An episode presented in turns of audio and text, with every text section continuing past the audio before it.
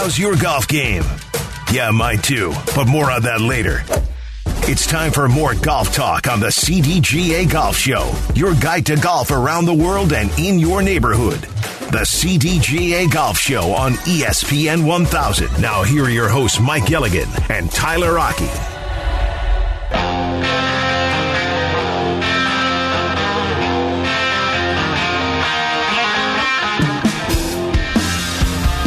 Welcome into the CDGA Golf Show here on ESPN 1000, 100.3 HD2. You can take us on the go with the ESPN Chicago app. And don't forget, watch the show on Twitch, twitch.tv slash ESPN 1000 Chicago. Also, you can find us on YouTube as well. Just search ESPN Chicago. The segment is sponsored by Fox Bend Golf Course, 312 332 3776. You want to talk U.S. Open with us? Rickie Fowler, currently your leader right now at 10 under. He's got a one stroke lead over Wyndham Clark. And then Rory McIlroy and Xander Schauffele each at 8 under right now.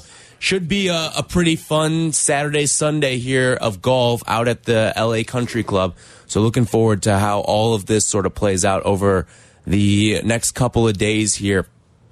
And there's a couple of other, you and I were just talking a little bit, Mike, about some of the long shots that maybe could make some noise here. Like you, Cam Smith, I think was a, a good uh, observation by you, Dustin Johnson, Scotty Scheffler, all these guys sort of in the top 10 right now, but with a little bit longer odds as well. So if you want to join us, 312 332 3776. But the leaderboard, if you're the USGA right now, you cannot be complaining about it. It's got some pretty good names on it. Oh, no doubt. I mean, I think if you're the USGA, you're ecstatic right now.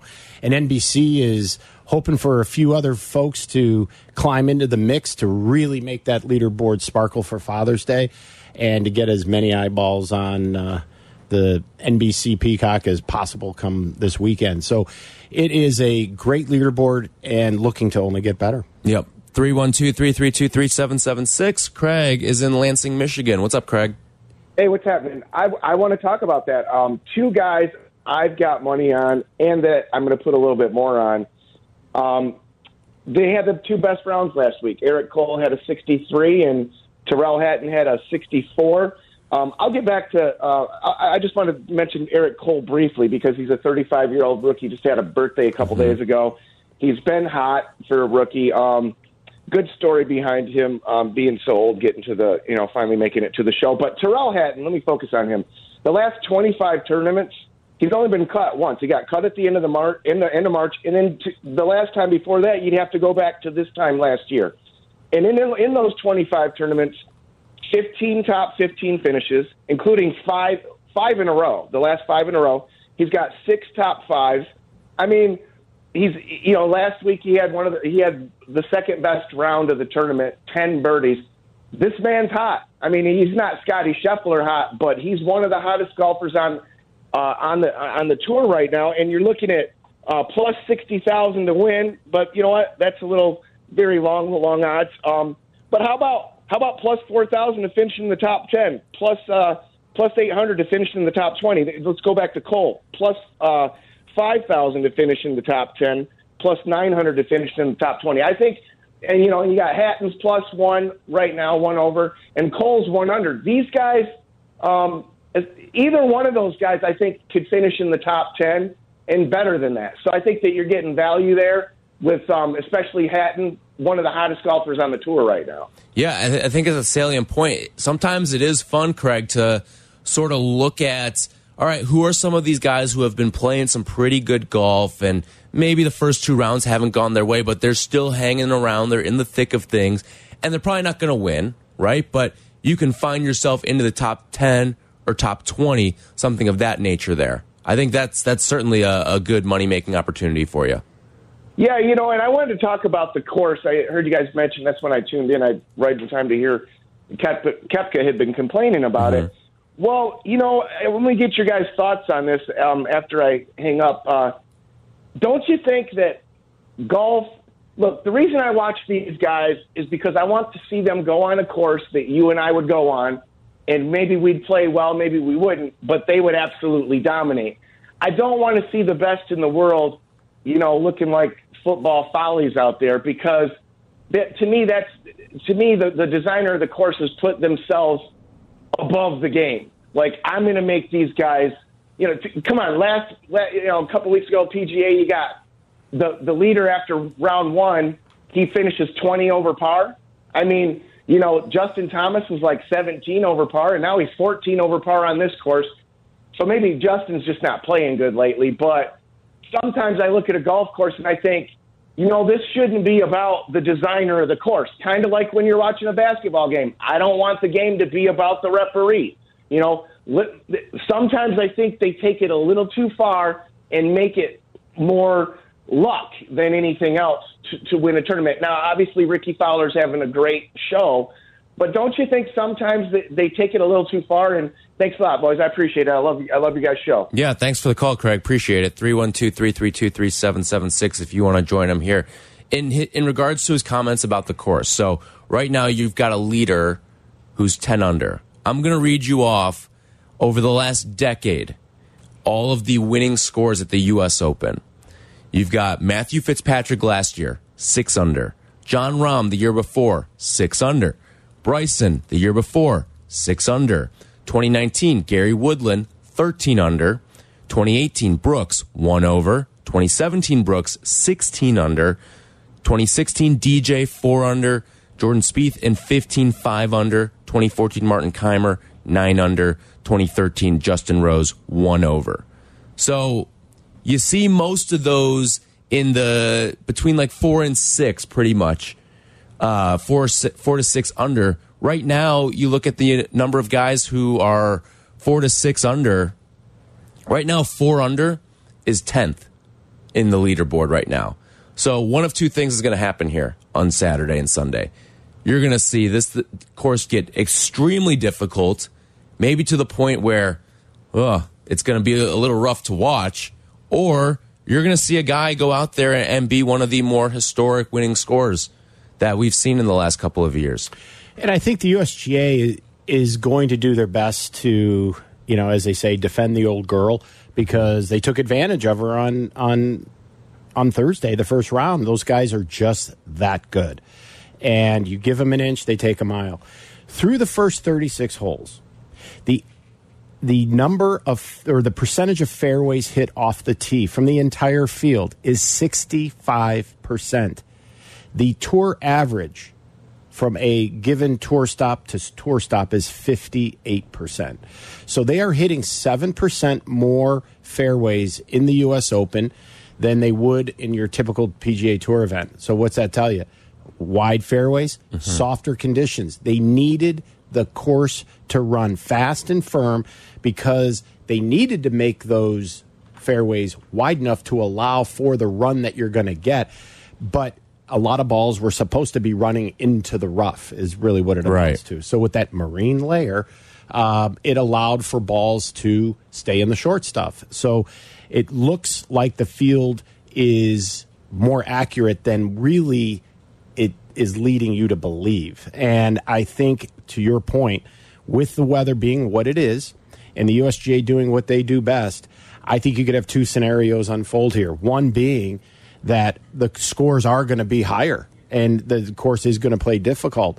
But there's going to be a couple outliers out there that are going to go out and still beat up that course in a way that a U.S. Open champion does in mm -hmm. rounds three and four, and consequently separate themselves. Ideally, you're going to have this a couple of guys that are still within a shot of one another doing it together so that there is a race the fear you have, given the conditions that what we have here going into this round, is you have a, a recipe out there where you could have a guy long run away and then, you know, get a four or five shot lead. And then this thing is over by all accounts. So that's the fear you have when a golf course is sort of on the edge like this. It could go either way.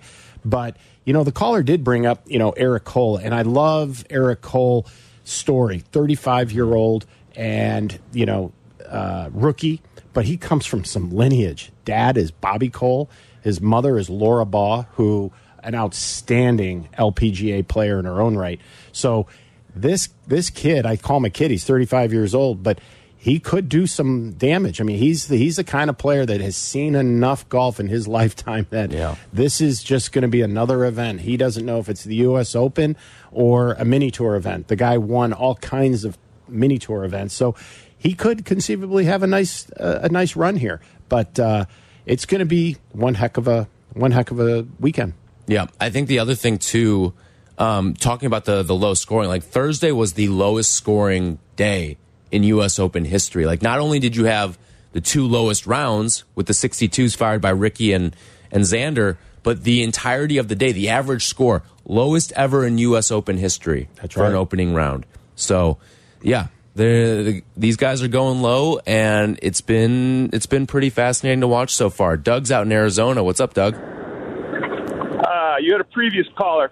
By the way, I like your show. I'm on the way to the first tee in Sun City West. Oh, The nice. last caller said that he thinks that the designers are putting themselves above the game. I couldn't agree less. I think a U.S. Open that ends up at one under with three guys battling down, trying not to make a bogey on 18 the final day is as exciting as it gets. A guy that can cut a corner on a 375 yard par four fascinates me. I think that's the way that the game is designed. Make the best, play the toughest possible courses. These designers are brilliant, stretching out courses that aren't made to hold these guys. It's just my look at it. I love a one under tournament. Yeah, Yeah. listen, Doug, I appreciate the phone call there. I do like to see the best of the best go up and, and see the challenge there. Like, I'll, I'll admit, like, if this thing ends up being a winner at like 16, 17 under, it's going to feel a little dirty, Oh, I yeah. think. But, I, like, I like to see kind of like what we've seen. Like, the last three years, we've seen six under, six under, six under. And that's kind of like the, the area I like to see it at right there. Right. I don't like like seeing the the one overs, um, but like the when you get like guys showing off their skill a little bit, and then on top of that, you get a, a pretty loaded leaderboard. That that to me makes for a great golf tournament a great finish. Yeah, I think what the USGA wants to put out there is simply when you hit good shots, you get rewarded. I don't think they want anything to be, you know, too much of a massacre, if you will, and that whole leaderboard is all over par. I, I'm right there with you. I love watching great shots being rewarded. Um, bad shots should be penalized. It's just that simple. Um, I don't think the golf course should be the news of the day as we watch tomorrow. Um, Much like the one caller said, how a referee either is in the game or not part of the game. The golf course really shouldn't be. And the golf course is very unique. And I think for us getting a, a a look into LACC North gives us an opportunity to sh- see the shortest par three in major championship history. And I will love it if they play that hole because they can play it as short as 80 yards. Mm-hmm. And it'll be interesting. Rickie earlier in the week said if they do that, I'm going to hit it short and try to chip it up. A la Billy Casper in the 1959 U.S. Open at Winged Foot, where a number three he laid up with a six iron all four days and got it up and down. So, you know, you have those kinds of holes, but then you turn around and you've got another par three at 290 yards, but then Yep. you've got a par four at 330, and you've got par fives 620 some odd yards. So this golf course is going to give you a little of everything, and I think from that perspective, and if the conditions get the way they are. I think the USGA will have it dialed in perfectly for the next two days. All right, coming up next, I want to lay something out for you here. A reason why I think Rickie Fowler could struggle a little bit today and maybe even tomorrow as well. We'll do all that when we come back here. 312 332 3776. If you want to join us this segment, sponsored by Fox Bend Golf Course. This is the CDGA Golf Show on ESPN 1100.3 HD2 and the ESPN Chicago app. Welcome into the CDGA Golf Show on ESPN 1000. Presented by Glenview Park Golf Club. Here's your hosts, Mike Gilligan and Tyler Rocky.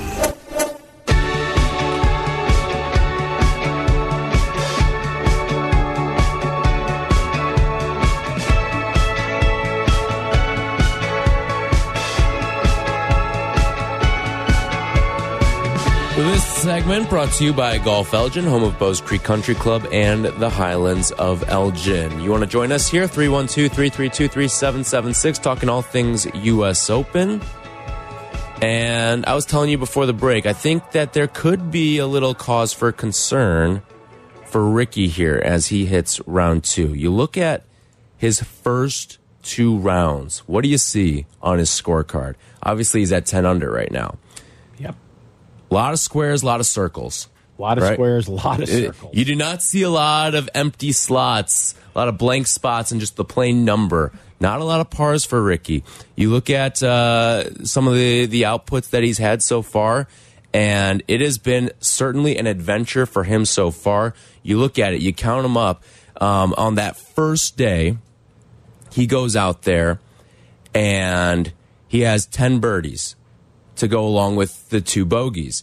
Um, then on the next day, his follow up act, he has eight birdies to go along with, uh, the the uh, six six. Bo- six bogeys. So he's scoring up or down on 14 of the 18 holes here. That shows me a guy that's really going for it, and maybe he plays a little bit different now with a lead here.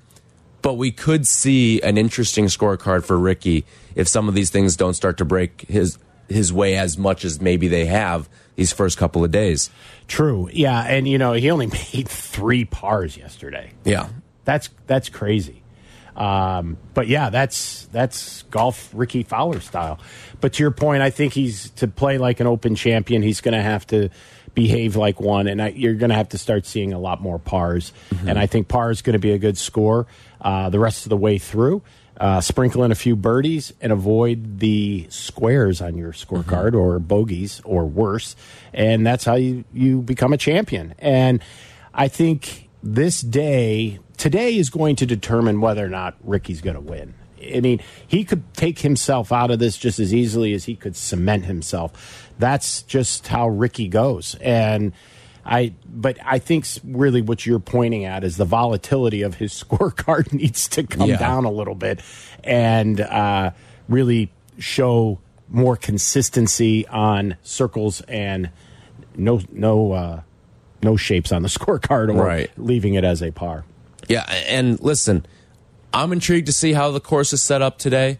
It'll be fascinating um, to see what kind of approach they want to take with. All right, how difficult do we make this now that we look at where we're at on a, from a leaderboard standpoint and seeing all these guys that are seven, eight, nine, ten under par. I mean, your top five is all seven under or better right now. That's right. It's it's a pretty. If it feels like there could be a little bit of, of a bigger challenge these next couple of days, and I, I'd imagine the USGA probably going to try to set something up. Like. Yeah, I mean, and I if- imagine the the members of the course too probably want to see this thing play a little more difficult as well. Yeah, because you know that to me is the most intriguing storyline once this championship is here and gone is how did the Los Angeles Country Club membership really feel about it when it was all said and done? It's one thing when they have the event and it's on its way to arriving to your community, the date it's coming down the stretch, and your golf course has been taken away and taken away in bits and pieces, the club because of all the build out that needs to happen, and then the USGA mandates that the course gets no play. And they don't have another golf course to which well they do, but they but for the number of members that they have, it's it's gonna be an inconvenience. And so when your club you turn it over and now you have the world's greatest taking advantage of it in a way that is not well how should I say it it, it doesn't reflect nicely in terms of how the mm-hmm. course is laid out and the members want that tough tough you know first day and it didn't come out that way. I'm sure there was a lot of pressure from the, you know the the who's who in the membership on top of the usga saying what are you going to do and i have been in those situations myself when we were doing major championships and i'll never forget when we were at the inverness club and the field did just about basically what they're doing to LA Country Club on the first day, and the membership was so unhappy with us. They thought we made the golf course too easy, and there are just certain things that you have to allow for. And you know, if you are thinking, for example, you're going to get wind in August in Ohio and it stays unusually calm, well, that's a problem. I mean, that's how they're going to take advantage of these things. So at the end of the day, it's going to be interesting to see what the membership thought about hosting this thing because it'll be interesting to see if they get slotted again. There's very few openings between now and 2050 uh, for U.S. Opens to be, uh, you know, assigned to various Mm-hmm. clubs around our country. And I know they're going to want to go back here, but it's just will the membership want the USGA to come back? Mm-hmm. That's Yeah, going to be the real certainly question. right. It, But- it's it is interesting to o- always hearing like the member perspective Yep. from some of these courses. If- Because yeah, because see the USGA the ultimate first world problem, by the Yeah, way. oh, yeah. Yeah, I mean, it's- members complaining that their country club yeah. uh, course is is too easy. it's too easy. We're not making enough money, or, you know, we're only going to make so many millions, so we may not be able to put in a 50 meter pool. We might only be able to put in a 30 meter pool. Yeah, big life's problems, right? But I can tell you the, the three words that are probably posted inside the superintendent's office as well as USGA's trailer that they have there on site, and that would be firm, fast, and bouncy. That's what they want this golf course to be like for the next two days firm, fast, and bouncy. And that way, balls will go where they should go versus being able to control them from where they don't want them to go. And that is a big difference. And that's why these fairways are so wide. And if you look, you can see that, you know, you know, part of Brooks's issue is how a lot of there's a lot of blind tee shots, which that's okay. Erin Hills had a lot of blind tee shots. Um, but balls ending up in the same place. And that's the one thing I have noticed is that mm-hmm. a lot of tee shots all seem to collect in the same given area. Or when they miss certain shots at certain areas of the course, they come down to an area. And I'm amazed at how many divots that aren't really getting really properly put back together. And I'm I just wonder if on Sunday at an inopportune time on the back nine that somebody's going to wind up in somebody else's divot from a day or so ago. And Right. it could have quite an influence on that particular shot at that moment in time. Yeah, everything sort of seems to funnel a little bit It on the golf course right here. It, it reminds me um, of one of the course, and again, this isn't like a championship style course, but like I'd played at Tobacco Road out in North Carolina, and one my buddy had played there before, and he said, "Just get it up on the green." Get it up on the green because everything sort of funnels towards the hole. So don't worry about missing left, missing right. If you just get it up in the general area, you'll be fine because everything sort of funnels to the hole. And this is sort of what it's reminding me of, where just get it up in a certain area and everything's going to funnel a certain way, and you can set yourself up in a nice spot. Now it's a little bit different when you're going on a green versus a fairway because, like you mentioned, you could end up in someone's divot like that, and then you find yourself in a little bit of trouble. Oh yeah, and again with these guys not knowing this golf course where they can miss it necessarily, because each day now is presenting a new golf course for them to try to learn and understand. That's why you know guys like Patrick Cantlay, guys like you know uh, Max Homa, but he Max missed the cut. But the Cantlay, you know, knows the golf course. Collin Morikawa knows the golf course. They're sort of back there at that plus one, plus two area. They still could play good enough because of the volatility of the golf course, good or bad, and put them into this thing come the back nine tomorrow. Yep. Going to be a lot of fun to watch here. All right. When we come back, we uh, will get into some of the nuances of the golf course, some of the things that you may have heard out there. So maybe some interesting noises as well that you may have heard out there on the golf course as well. We'll get into all of that when we come back. And also a little bit of a Tiger Woods update that I want to talk to you a little bit about, Mike. 312 332 3776. If you want to join us here, this segment brought to you by Golf Elgin and the home of Bowes Creek Country Club and the Highlands of Elgin, the CDGA Golf Show. We'll be right back. This is the CDGA Golf Show, presented by Glenview Park Golf Club, ESPN 1100.3 HD2, and the E ESPN Chicago app. From PGA to where you should play, this is the CDGA Golf Show with Mike Gilligan and Tyler Rocky, presented by Glenview Park Golf Club.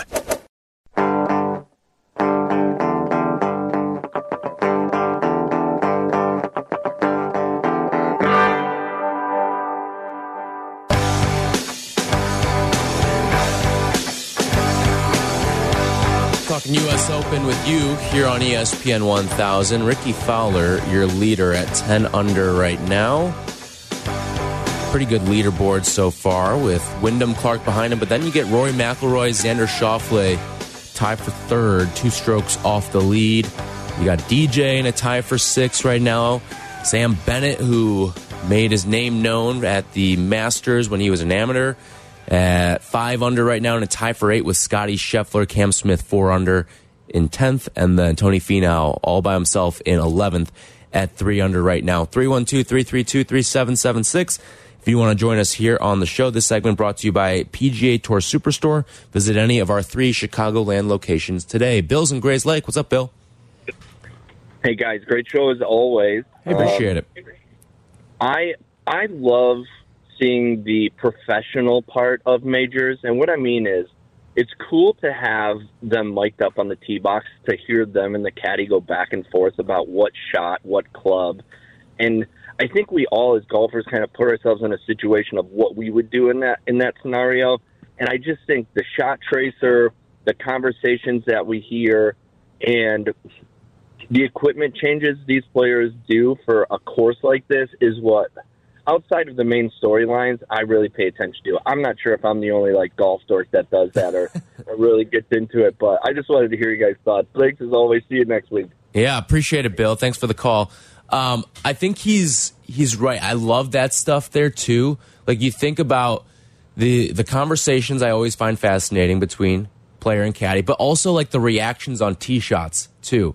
Like there was a moment yesterday near the end of the coverage where Collin Morikawa didn't like his tee shot on a par three, and you just hear him. You see the ball start to sail towards the bunker, and you, you just hear just like you or I would be on a par three. No, no, no, no, no, no, no. Like get left, get like all that stuff. You hear all of that, and it just kind of humanizes the entire experience of what they're going through during their sport.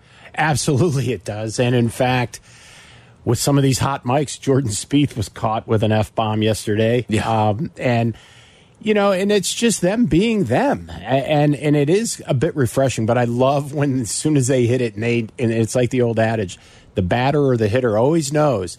And he hits the shot, and it looks like a good swing, but he's like, no. Mm -hmm. And then obviously you see the, the thing going wayward.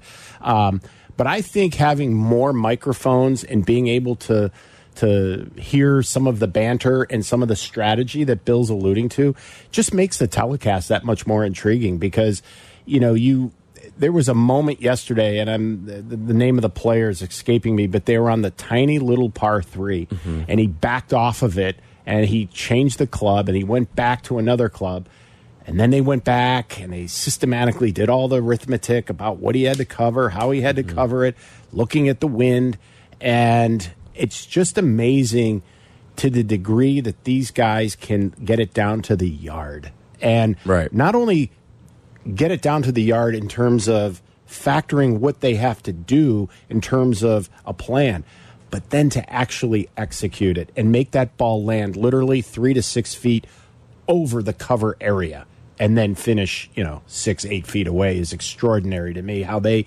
have not only the ability to figure it all out mathematically, but that's the easy part, but then to dial in that three quarter six iron that they need to have at that very moment at that very time and then execute it.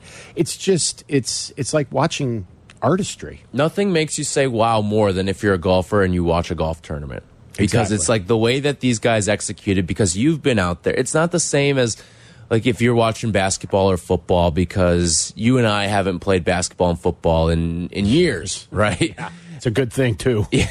But like golf you're going out you're playing every single day. Like the the thing about golf is like I I said this earlier in the week, but like you look at what LIV and PGA is, and you can say, "Oh, I'm not a fan of professional golf anymore," but you may still be a golf fan because you go out and play every weekend or something of that nature. It's different, and because of that fandom, you can like your ability to still play the sport while also consuming the sport on television with the majors and with the the week to week on the PGA Tour.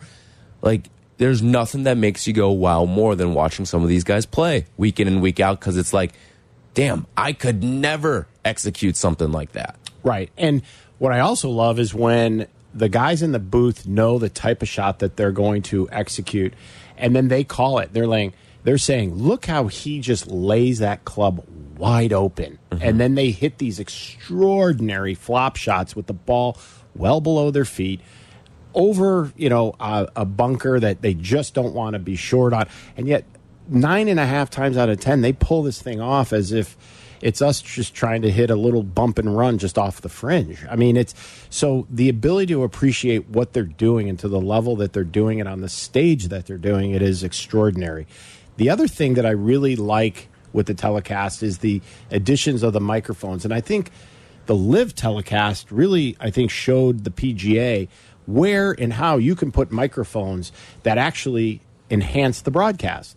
All the way down to just when the ball goes into the cup, that magic little sound to hear that Mm-hmm. thing dropping into the hole.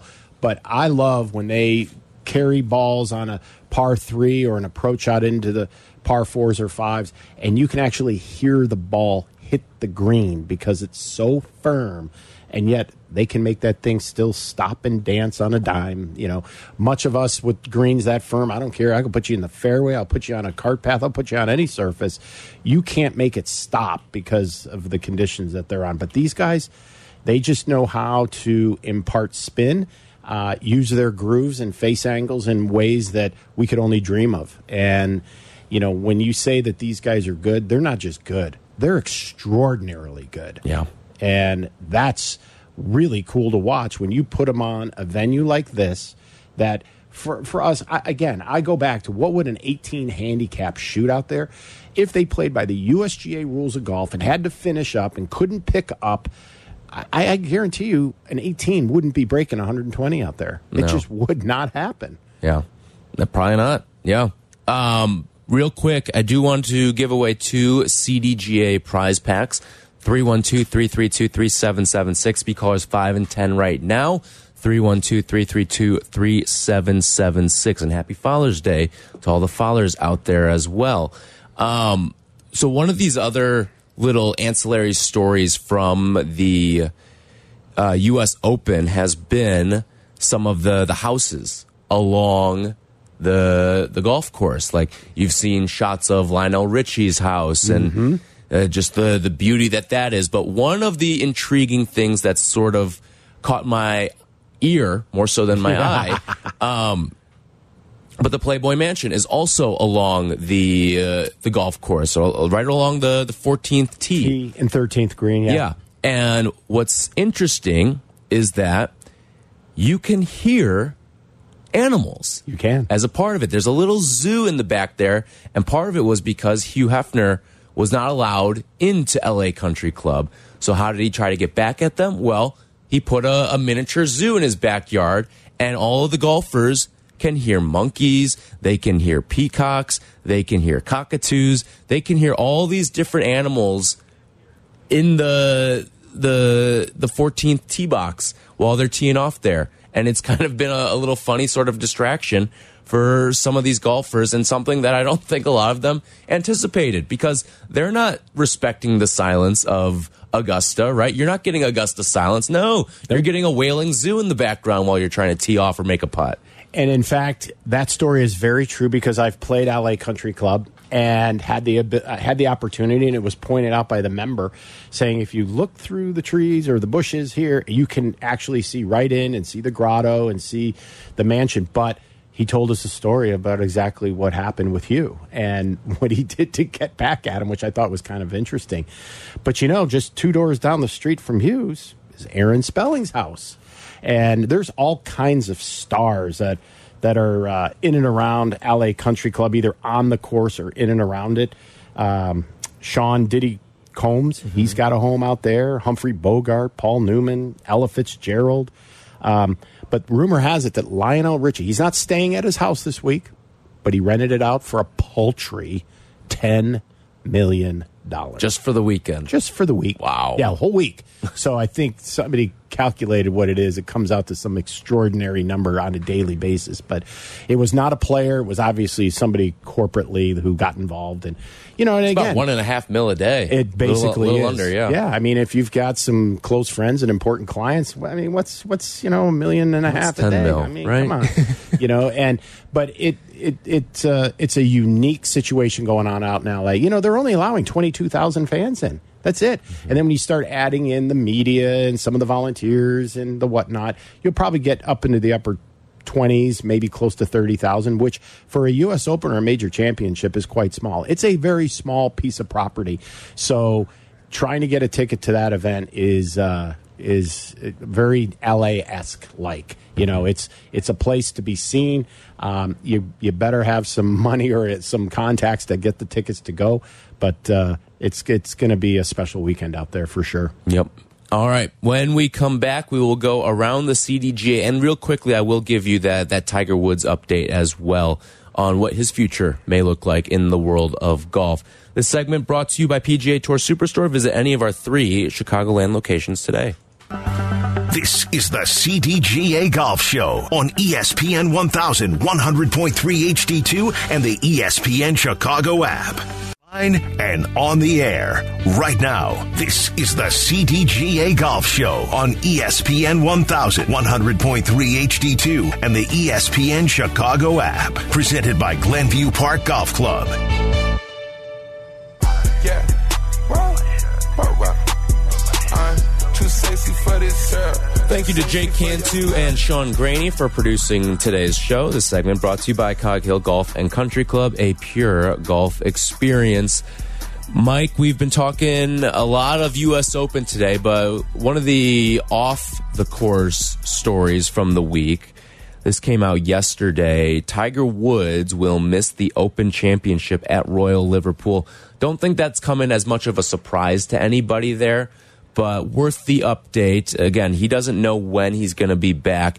Earlier this year, he had an ankle fusion surgery done to alleviate the pain that he's been dealing with. And he played in the Masters, but we really haven't seen much of him this year. And who, I mean, can you count on your hands how many more times we're going to see Tiger Woods? Yeah, I don't know. And at least the, the news wasn't any worse. I guess I, we all This was assumed, expect- yeah. it was expected. I as soon as I see anything about Tiger Woods, I cringe a little bit, worrying that you know it's going to be more of an issue or it's worse than what we thought. But at least this is just officially taking him out of the British Open for all intents and purposes. His season is is effectively over. I think the next time we see him will be Riviera, and hopefully we see him at Augusta as the next mm-hmm. major. But what's been strange with all that's been going on in the ecosystem of golf, not only have we not seen Tiger Woods, we haven't heard Yeah. from Tiger Woods because it will be interesting to get his take on where things are in his mind's eye between LIV, PGA, the PIF, and all the things that Jay Monahan has cooking, and Tiger is nowhere to be heard or seen. Right. And uh, one of the other things, though, uh, Charlie Woods, he has been seen. He's been He at has. the, the U.S. Open out at LA Country Club. So one day, maybe he'll be teeing it up in, in one of these big majors. I'd imagine it's going to be sooner rather than later. Oh, I think so. I think we'll see Charlie in his first USGA championship. It'll either be the junior championship or the US amateur. It'll be one of those two is where I expect to see Charlie Woods. Yep. Should be very interesting. The next iteration of Woods in the, the golf sphere. All right. Mike, what is going on around the CDGA this week and beyond? Well, we've got a few things going on actually. Uh, we do have our CDGA Foundation online auction. Now, this is an annual thing. We opened it up on Monday, and everybody has until noon tomorrow. Now, if you want to see and get something for dad that's unique, different, and special as it relates to golf travel, private club golf experiences, tickets to some of the best sporting events in our city and around our area, um, and some incredible sports memorabilia. Just go on to cdga.org and right on the homepage, we have our link to go in and uh, donate. But again, because of Father's Day, we are cutting off all bids right at high noon. So if you want to get yourself something for dad, you could get it and then by noon on father's day turn right around before golf gets going and say dad look what i just got you compliments of the cdga foundation so that's all going on now and all the money goes towards our efforts uh, and our pillars with the foundation which are war veterans individuals with disability and youth uh, also, birdies in baseball. We still have some tickets left for July the 6th at American Family Field.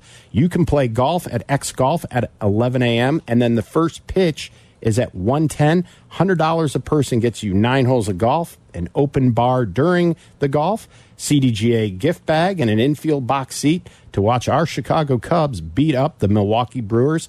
Again, another great idea for Dad and Father's Day. Uh, and then on Monday, Juneteenth, we've got a member day up at Strawberry Creek. And then we also have our Net Better Ball event out at St. Charles. Uh, so good luck to all the uh, participants there. On Wednesday, we have the women's tour trifecta at McRae Memorial. So again, good luck to all the ladies out there on uh, on Wednesday. And then on Thursday, our first CDGA four person scramble qualifier will be played at our presenting sponsor of the show, Glenview Park. So we're going to have that going on on Thursday. And then uh, also, breaking news for our July 28th event at the Glenview Club. Titleist is going to be the presenting sponsor of the ESPN Listener Appreciation Outing Friday, July 28th. If you've never been fitted for a Titleist golf ball or never gone through a ball fitting, you're going to have that opportunity to do it up at Glenview Park and walk away with I don't know how many complimentary golf golf balls you'll be able to get from them, but they will be giving you free golf balls, and Titleist will have a presence there with us among all the other things that we have going. So go to cdga.org and get a twosome, a foursome, and join Tyler, myself, and some other CDGA ESPN personalities and some other celebrities that will be with us uh, from the uh, Chicago sports uh, arena. And uh, again, $125 a person. And gets you all kinds or $150 a person. Gets you all kinds of gifts lunch food band it all all at the glenview park. So join tyler and i there cdga.org to sign up. And then lastly we have a couple of really cool member benefits out at fox bend. A twosome special for $80 if you book online at foxbendgolfcourse.com Bowes Creek, $62 Monday to Wednesday before noon. And then, uh, in fact, Glenview Park, they've got 149.95 for some special after three o'clock. So lots of stuff to go on if you're a CDGA member and the CDGA Fantasy Golf, which you are absolutely kicking my rear end again. So we, it looks like we're going to go two wins for you, one for me this year.